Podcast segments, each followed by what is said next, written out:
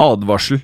I denne podkasten vil du høre historier basert på informasjon programlederne har funnet selv. Programlederne står ikke nødvendigvis inne for meninger og syn som fremstilles. Noen påstander kan avvike fra virkeligheten.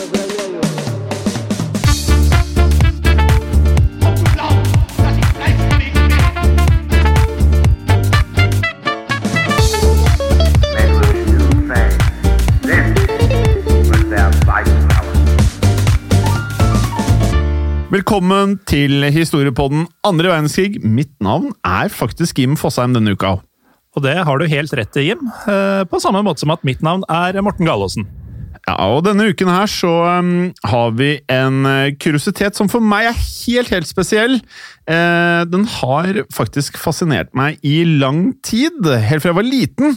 Ja, og Eh, jeg eh, har ja. jo ikke kjent deg siden du var liten, Jim, men jeg har Nei. kjent deg i en del år nå. Og denne Ja. har du snakka om siden i hvert fall da vi starta vanlig historiepodden for snart to år siden. Og jeg tror faktisk siden før vi starta noen som helst historiepodd. At du bare Ja. dro opp Schwerer Gustav over et par begre da vi egentlig snakka fotball i gamle dager. Og litt av grunnen til det selvfølgelig er jo at når du ser verdens største våpen eh, når du er bitte, bitte liten eh, på noen bilder og på TV, så gjør det inntrykk. Ehm, for dette her er nok for eh, mange et av de mest fryktinngytende våpnene som noen gang er satt sammen. I alle fall rent visuelt. Ehm, og det gir jo et veldig godt utgangspunkt for en kuriositet, men i hvert fall jeg, da.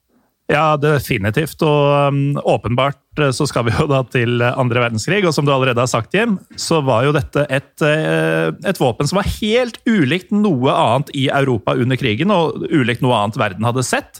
Og selvfølgelig så var det tyskerne som, hadde, som sto bak det. Selvfølgelig, det, det kunne ikke vært noen andre. Nei. Og som vi da vet fra forrige episode, så er vi jo nå i Storbånden VV2 i gang med å lage en serie med episoder om teknologien og også forskningen som blant annet nazistene holdt på med før, under og også etter annen verdenskrig. Og deres eh, tilsynelatende spesielle evne til å skape fryktinngytende våpen med da katastrofalt dødelige følger, eh, var ingen bedre på i denne delen av historien. Nei, og det er jo flere våpen som ikke helt får plass i, i den teknologiserien du nevner, Jim, men som vi likevel mener er verdig en plass i historien. Og et av disse det er dagens kuriositet. Ja, dette er bokstavelig talt et monster. Eh, altså et våpen som ikke bare var gigantisk i eh, størrelse eh, og også vekt, men det var spesielt laget for å passe inn i Adolf Hitlers planer om en slags total verdensdominans. Ja, du kaller det et monster, Jim, og vi er jo veldig glad i å komme til, eh, til utdrag fra Inglorious Bastards, denne fantastiske Tarantino-filmen. Jeg husker ikke hvem det var, eller om hva, men det er en som sier 'eine monstrum'. Og det passer veldig godt for eh, dagens tema. Ikke noe passer bedre. Eh, og en annen referanse når vi er inne på filmer her, er jo at dette her minner meg litt om eh, en av de evige fiendene til James Bond, altså en av medlemmene av dette krimsyndikatet Spekter. Altså denne Ernst Stavro Blofeld, som i eh, eh, siste Sean Connery James Bond-filmen, 'Diamonds Are Forever', så lager han en satellitt konstruert av noen sånne diamantdrevne laserstråler, som da kunne skyte et hvilket som helst mål på jorden, og selvfølgelig da eh, det totalt eh, dominerende våpenet som det da ville vært. Ja, men nå blander vi jo inn eh, stormannsgale blåfelt og, og surrealistisk kraftige våpen her, Jim. Er det, er det grunnlag for det? Hvorfor det? Ja, det er faktisk det, fordi Hitler han lette etter et uh, våpen som uh, jeg føler i hvert fall i hans hode kunne gi tyskerne et uh, uendelig overtak når de skulle ut og ta over verden. Og spesielt i deres planer når de skulle invadere Frankrike. Ja, det stemmer. For eh, var det én ting som eh, franskmennene hadde lært etter første verdenskrig, så var det å ta eh, forholdsregler mot naboene fra Tyskland. At det kunne være en god idé. Og løsninga Frankrike gikk for, det var å styrke forsvarslinja langs grensa mot Tyskland. Noe de primært gjorde på slutten av 1920-tallet og utover 30-tallet. Med det som kalles for den franske Maginot-linja. Ja, og Maginot-linjen er jo også en egen episode, men eh, jeg vil faktisk anbefale dere lyttere om å google eh, nettopp hvordan det så ut, eller hvordan det er gjort mange tegninger og gjenskapelser av hvordan den var. Det eksisterer jo også bilder av Maginot-linjen fra den tiden. Eh, vi kommer jo til å legge ut på Instagrammen vår også, men eh, dette her var jo noe helt enormt som franskmennene eh, lagde da, for å beskytte seg mot tyskerne. Og I utgangspunktet så kan man egentlig beskrive det som en serie med sterke festninger, eller festningsverk, som gikk langs eh, Frankrikes grense mot Tyskland. Og en forlengelse av eh, denne festningslinjen var også mot eh, grensen i Belgia. Men her, og det her er et viktig poeng, her var ikke denne sammenhengende linjen like tett og like sterk som den direkte Maginot-linjen mot den tyske grensen. Nei, og denne Maginot-linja mot eh, Tyskland da, den var jo da, som du sier, eh, for det meste i hvert fall, solide festningsverk som brukte datidens, og vi er da altså på 1920- og 1930-tallet, eh, sin mest moderne våpenteknologi. Altså det ypperste av våpenteknologi på denne tiden. Og slik var det konstruert at eh, disse festningene skulle holde stand mot angrep fra både land og lufta. Ja, så mektig var Maginot-linjen at eh, både ryktet til Maginot-linjen og også det visuelle når du faktisk så det, gjorde at eh, tyskerne rett og slett måtte gjøre nøye planer om hvordan de skulle gjøre det den dagen de faktisk skulle invadere Frankrike. Um, så de holdt på i en årrekke med å planlegge denne invasjonen. Da. Og En viktig faktor i um, invasjonen mente tyskerne var da å utvikle et våpen som kunne gjøre enorm skade. Så det tyskerne tenkte helt spesifikt, var et våpen som kunne trenge seg gjennom følgende. Én meter tykke lag med stål, og hele syv meter tykke vegger av armert betong, som var nettopp det de ville møte i Maginot. Ja, så det er jo enorme, enorme ting å komme gjennom hjem, så det er ikke rart det tok noen år. I 1937 så ga da det tyske militæret, altså Wehrmacht, eh, nærmere bestemt Oberkommando des Heeres, eh, oppdraget med å lage dette formidable våpenet til en av de fremste og mest renommerte våpenprodusentene, nemlig Krupp. Og Vi kan jo også nevne at eh, denne OKH, altså Oberkommando des Herres, det var en enhet som i det tyske militæret fungerte som en, eh, en overordna enhet av luftvåpenet, marinen og infanteriet. Det er helt riktig, og sammen ble Wehrmacht og Krupp enige om et design, også spesifikasjoner til et våpen som kunne trenge seg gjennom denne mektige Maginot-linjen.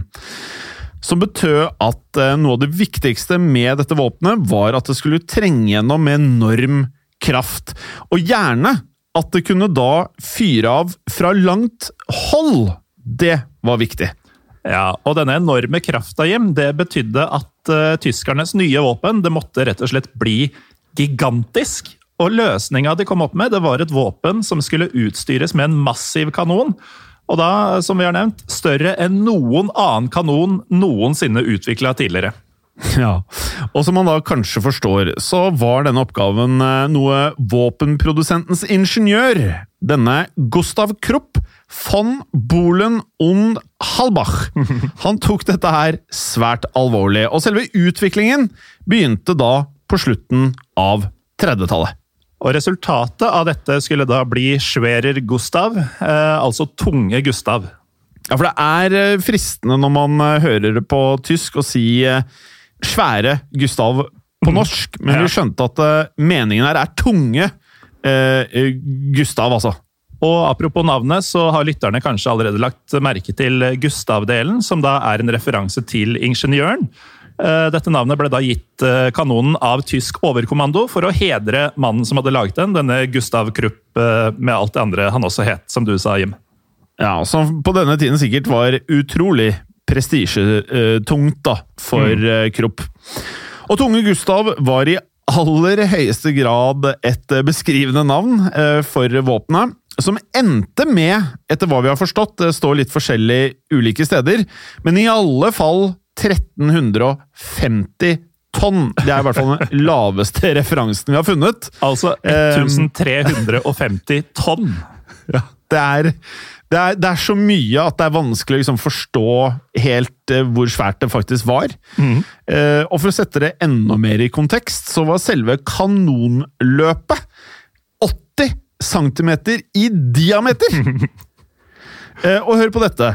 Selve ammunisjonen til Svera Gustav var på mellom fem og syv tonn! Altså, ikke, ikke bare var dette vanvittig tung eh, ammunisjon som, eh, som Gustav klarte å skyte, men også tung ammunisjon som kunne skytes fra langt hold. For uh, disse prosjektilene kunne skytes eh, fra hele 47 km distanse, altså nesten fem mil, og med en utgangshastighet på 820 meter i sekundet. Vi snakker nesten en kilometer i sekundet, Jim. Ja. Uh, Utgangshastigheten det er da hastigheten prosjektilet har ut av kanonens munning da det blir avfyrt. Ja, og Nå er ikke vi eksperter i hvordan våpen fungerer, men det høres ekstremt ut. Det er store tall.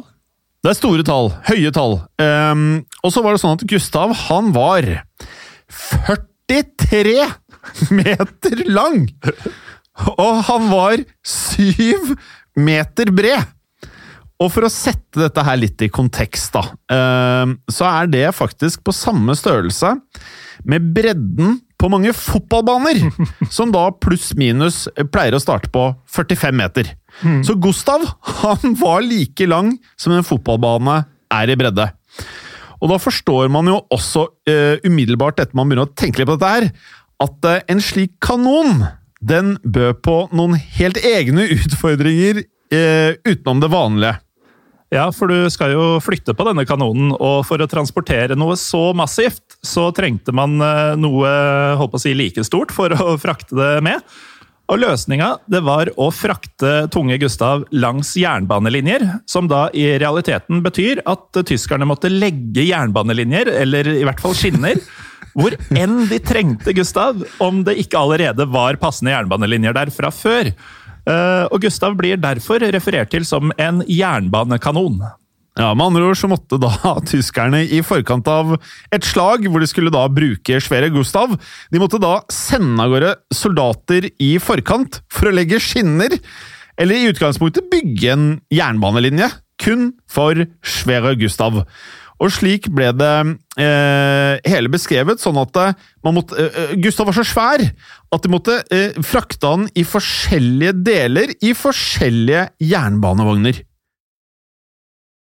Og deretter, da, når alle disse vognene med forskjellige deler av tunge Gustav hadde kommet frem, så måtte jo Gustav monteres sammen igjen. Og da snakker vi om hele 1420 menn måtte jobbe sammen for å montere sammen Gustav før han var klar til bruk.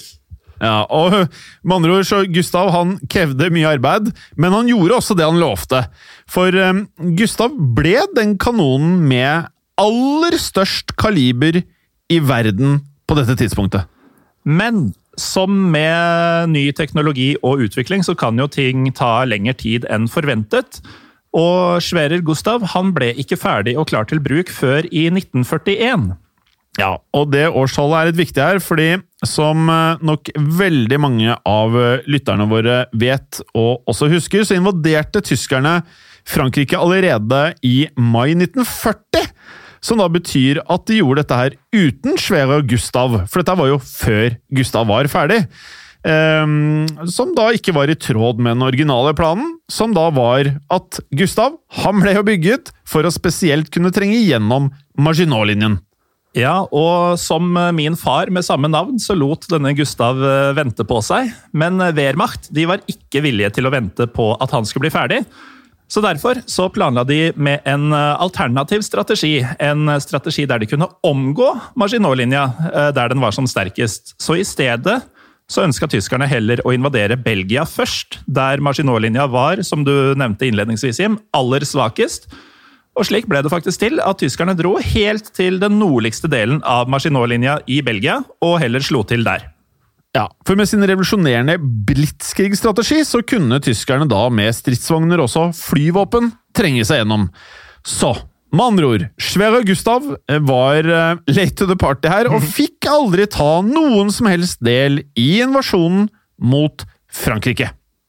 Nei, men det betydde jo ikke at tyskerne ikke lenger hadde bruk for tunge Gustav. Det mildt sagt majestetiske våpenet må vi kunne si, det kunne jo fortsatt brukes til å gjøre store skader på fiender både her og der. Definitivt. Så det tyskerne da bestemte seg for å gjøre, var å sende Svere Gustav til østfronten, nærmere bestemt til byen Svestapol i Sovjetunionen. Ja, havnebyen Sevastopol, som det også går an å kalle den. Eh, Den ligger på Krim, som da er en halvøy som ligger i den sørlige delen av Ukraina, og som vi kanskje husker fra nyere tid eh, at ble annektert av russerne i 2014. Eh, Og I dag så er denne byen hovedsete for den russiske marinens eh, svartehavsflåte, så det er en viktig, viktig militærby. Og Sommeren 1942, under da Tysklands invasjon av Sovjetunionen, så ble Sevastopol beleiret i en hel måned av tyske tropper i juni og juli. Ja, Så det tyskerne gjorde, var å sette inn store store krefter for å bombardere og ødelegge denne byen, og få de sovjetiske soldatene til å overgi seg. Og dermed satte tyskerne inn Schwerer Gustav. Ja, og som vi, eh, Det kommer kanskje ikke som en overraskelse at tyskerne brukte flere uker på å sette opp og montere Gustav. Eh, Det var både tidkrevende og slitsomt, men den 5. juni 1942 så sto eh, Sverre Gustav klar med kanonen pekende i retning Sevastopol. Ja, og vi har jo nevnt at det krevde en del menn for å sette sammen Sverre Gustav. Ja, Drøye 1400, bare. Ja, men det krevde også en eh, god del folk for å bare operere denne kanonen. Og nærmere bestemt så måtte Sverre Gustav han måtte ha 250 mann til å operere selve kanonen. Eh, rett og slett for å få den fyrt av, altså.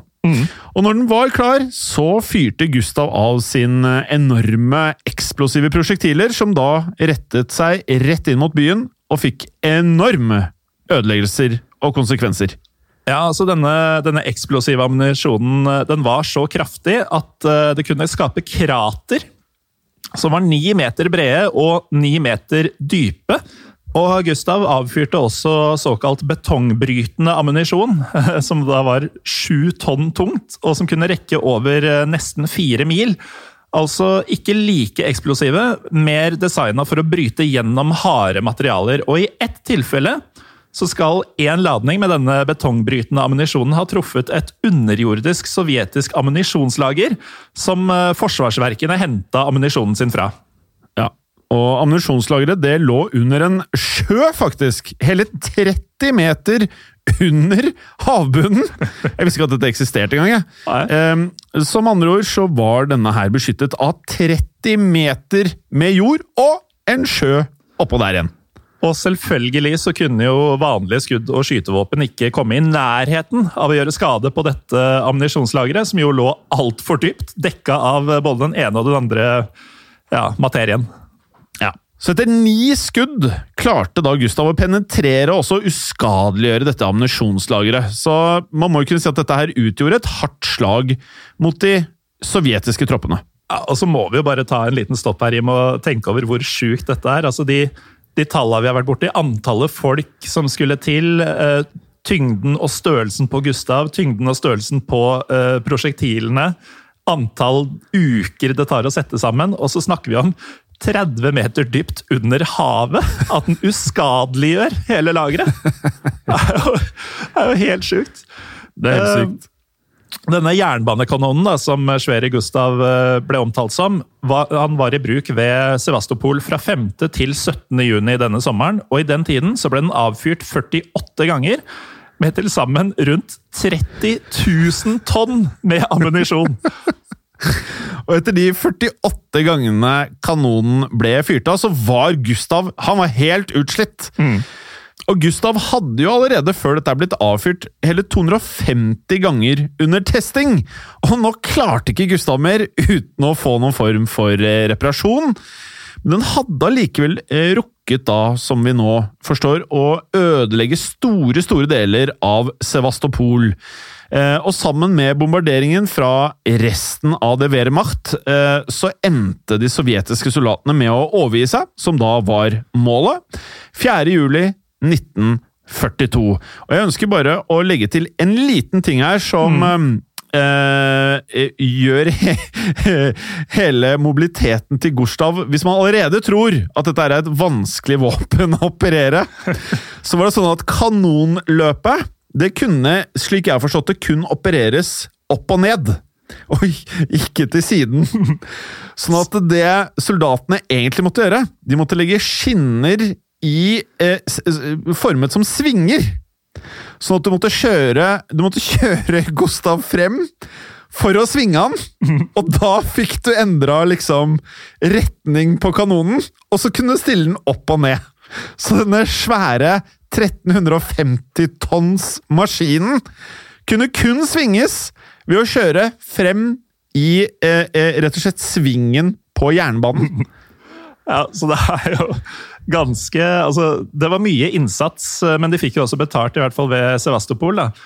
Men eh, etter beleiringen så ble Tunge Gustav demontert, og selve kanonløpet ble sendt tilbake til produsenten Krupp for å bli reparert og forsterka nok til å kunne brukes igjen.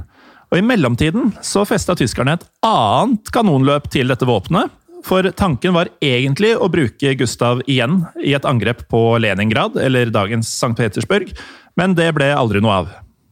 Ja, det ble ikke det. Og selv om denne jernbanekanonen da kunne forårsake enorme ødeleggelser og eh, skader, så skulle det vise seg at eh, beleiringen av Sevastopol ble Gustavs eneste sjanse, kanskje heldigvis må vi jo si, til å vise hva han var god for. Og det finnes da faktisk noen rapporter som fortalte at Gustav ble brukt til å stoppe et opprør i Warszawa så sent som i 1944. Mens flere andre kilder sier at dette var selvfølgelig planen, men at Gustav aldri rakk å nå frem, og det kan jeg tro på, før opprøret var over. Ja, og Innimellom når vi jobber med disse podkastene, så kommer vi over motstridende kilder, men det fins da ikke nok bevis på at den ble brukt mot Warszawa i 1944, så det eneste bekreftede tilfellet av eh, denne voldsomme sprengkraften til tunge Gustav var da beleiringen av eh, Sevastopol. Ja, og det at Gustav mest sannsynlig kun har vært brukt i ett eneste slag, eh, så det høres jo merkelig ut. eh, Når vi nettopp har fortalt om hvor overlegen denne jernbanekanonen var når det gjaldt å ødelegge. Ja, men uh, altså, selv om Sverre Gustav kunne gjøre enorm skade, så var han jo også, som vi jo har skjønt, uh, veldig lite praktisk for tyskerne. Altså, minst 250 menn bare for å avfyre kanonen.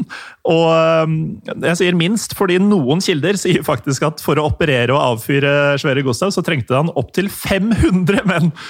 Og det er jo ganske mange soldater å unnvære i et stort slag, som da heller kunne gjøre nytte for seg andre steder. Ja, Og i tillegg til eh, all denne manpoweren, så var jo det å frakte Gustav i skjul nærmest eh, umulig. eh, ettersom bl.a. tyskerne måtte jo legge disse skinnene i forkant bare for å flytte han et lite stykke. Så det var jo en veldig enkel oppgave for de allierte å se hvor den var på vei fra sine fly. Så Sverre Gustavs plassering den var jo aldri noen overraskelse for noen. Nei, det var den ikke. Eh, reparasjoner og også vedlikeholdt var veldig dyrt, for ikke å snakke om hva det kostet å produsere ammunisjon til dette beistet. da. Ehm, så det var nok for tyskerne vanskelig å rettferdiggjøre kostnadene, både målt i tid, mannskap og også penger. Dermed bestemte det tyske militæret seg for at Schwerer Gustav, i likhet med min far med samme navn, eh, skulle pensjoneres. Da det ble tydelig at de allierte kom til å vinne kampen, så ødela tyskerne Gustav, eller i hvert fall kanonen, slik at den ikke skulle falle i fiendens hender. Ja, og om noen av delene overlevde denne ødeleggelsen, så er de godt gjemt, for ingen har angivelig funnet noen fysiske etterlevninger etter Svea Gustav. Og kun rapporter og også bilder viser hvordan Gustav så ut i aksjon. da. Eh, Det finnes også rapporter som tyder på at tyskerne også bygde enda en jernbanekanon som da var modellert etter eh, Gustav. Eh, Denne ble kalt Dora, og var litt mindre enn Gustav, men skal også ha blitt brukt i Sovjetunionen. Noen mener midlertidig at det ikke var to jernbanekanoner, men at Dora var faktisk en idé som det tyske artillerimannskapet hadde kommet opp med om hvordan Gustav kunne sette sammen på en noe annen måte. Altså, det var samme kanon i litt forskjellige sammensetninger. Den ene ble kalt Gustav, og den andre ble kalt Dora. Dette kan jo høres litt forvirrende ut, da, men Ja, det kan det, og det skal bli verre, fordi andre kilder mener at det definitivt fantes to kanoner, og at begge ble ødelagt av tyskerne da de allierte kom. Eh, Det finnes et bilde av amerikanske tropper som eh, triumferende balanserer på et tysk kanonløp, og dette mener mange er kanonløpet fra Dora. De fleste kilder mener at det var to våpen, men den teorien om at det egentlig bare var ett eh, våpen i forskjellig sammensetning, som du sier, den er jo også interessant. Uansett hva som eh, stemmer, så var Gustav et eh, ja, godt eksempel på det tyske krigsmaskineriets kraft, selv om det endte opp med å bli for upraktisk til å brukes i stor skala. Vi skal selvfølgelig poste bilde av Svea Gustav, eller Dora, hvem vet. Eh, Følg oss på Facebook-gruppen vår, Historie for alle. Og rate oss veldig gjerne på iTunes. Vi eh, eh, På Historiepodden så er vi vel på nesten 2000 ratinger på iTunes. Og nå nærmer vi oss 100 på Historiepodden andre verdenskrig. Det går unna, altså. Men mm. hvis du da er Apple-bruker og ikke har gjort det ennå, så setter vi da stor pris på spesielt da fem stjerner. Det syns jeg smaker aller best. Ja, jeg liker det også. Ikke minst så er det jo fint om dere følger oss på Facebook og Instagram, i tillegg til å bli med i gruppa. Vi er Historiepodden Norge begge steder. Og del gjerne alt dere måtte komme over som er interessant både til Historiepodden, Historiepodden andre verdenskrig, Gangsterpodden og det du måtte føle for av filmer, bøker, alt som har med historie å gjøre. Og med det, Morten, så er vi ferdig med en av mine favorittkuriositeter så langt, by far. Det er vi, og endelig så skal jeg eh, slippe å høre deg snakke om det på fritiden, for nå må du vel ha fått utløp for det aller meste, eller? Eh, ja og nei. Jeg eh, ønsker jo å vite enda mer om dette Gustav-Dora-forholdene, men eh, det er ikke så enkelt, merker jeg. Så om jeg kommer over noe nytt en gang i fremtiden, så kan jeg love at da blir det kanskje ikke Svea og Gustav, men da blir det Dora. Eh, og så ga jo dette mersmak til å lage noe eget om Maginot-linjen. Meget spennende. Definitivt. Eh, For den har vi jo eh, Vi har nevnt hvor, hvor stor og omfattende den var, men vi har liksom ikke gått i detaljer på det. Og det er jo et imponerende forsvarsverk som, eh, som Frankrike hadde stilt opp. Men Morten, Ja. det har skjedd. Og det kan skje igjen. Ha det bra! Ha det! I produksjonen av Historiepodden så ønsker vi å takke Håkon Bråten for lyd og musikk. Takk til Felix Hernes for produksjon. Takk til Ellen Froktenestad for tekst og manus. Og takk til deg, Morten Galesen, for programlederrolle. Og takk til deg, Jim Fosheim, for programlederrolle. Moderne media. Kiwi er billigst i VGs matbørs og har vært billigst i fire av de fem siste VGs matbørser. Og nå presser vi prisene på frukt og grønnsaker. På 200 gram broccolini setter vi prisen til 24,90. På 400 gram Cevita blåbær setter vi prisen til 49,90. Og husk, alle Kiwi Pluss-kunder får i tillegg 15% trumfbonus på all fersk frukt og grønt. For det er vi som er prispresserne. Og vi i Kiwi gir oss aldri på pris.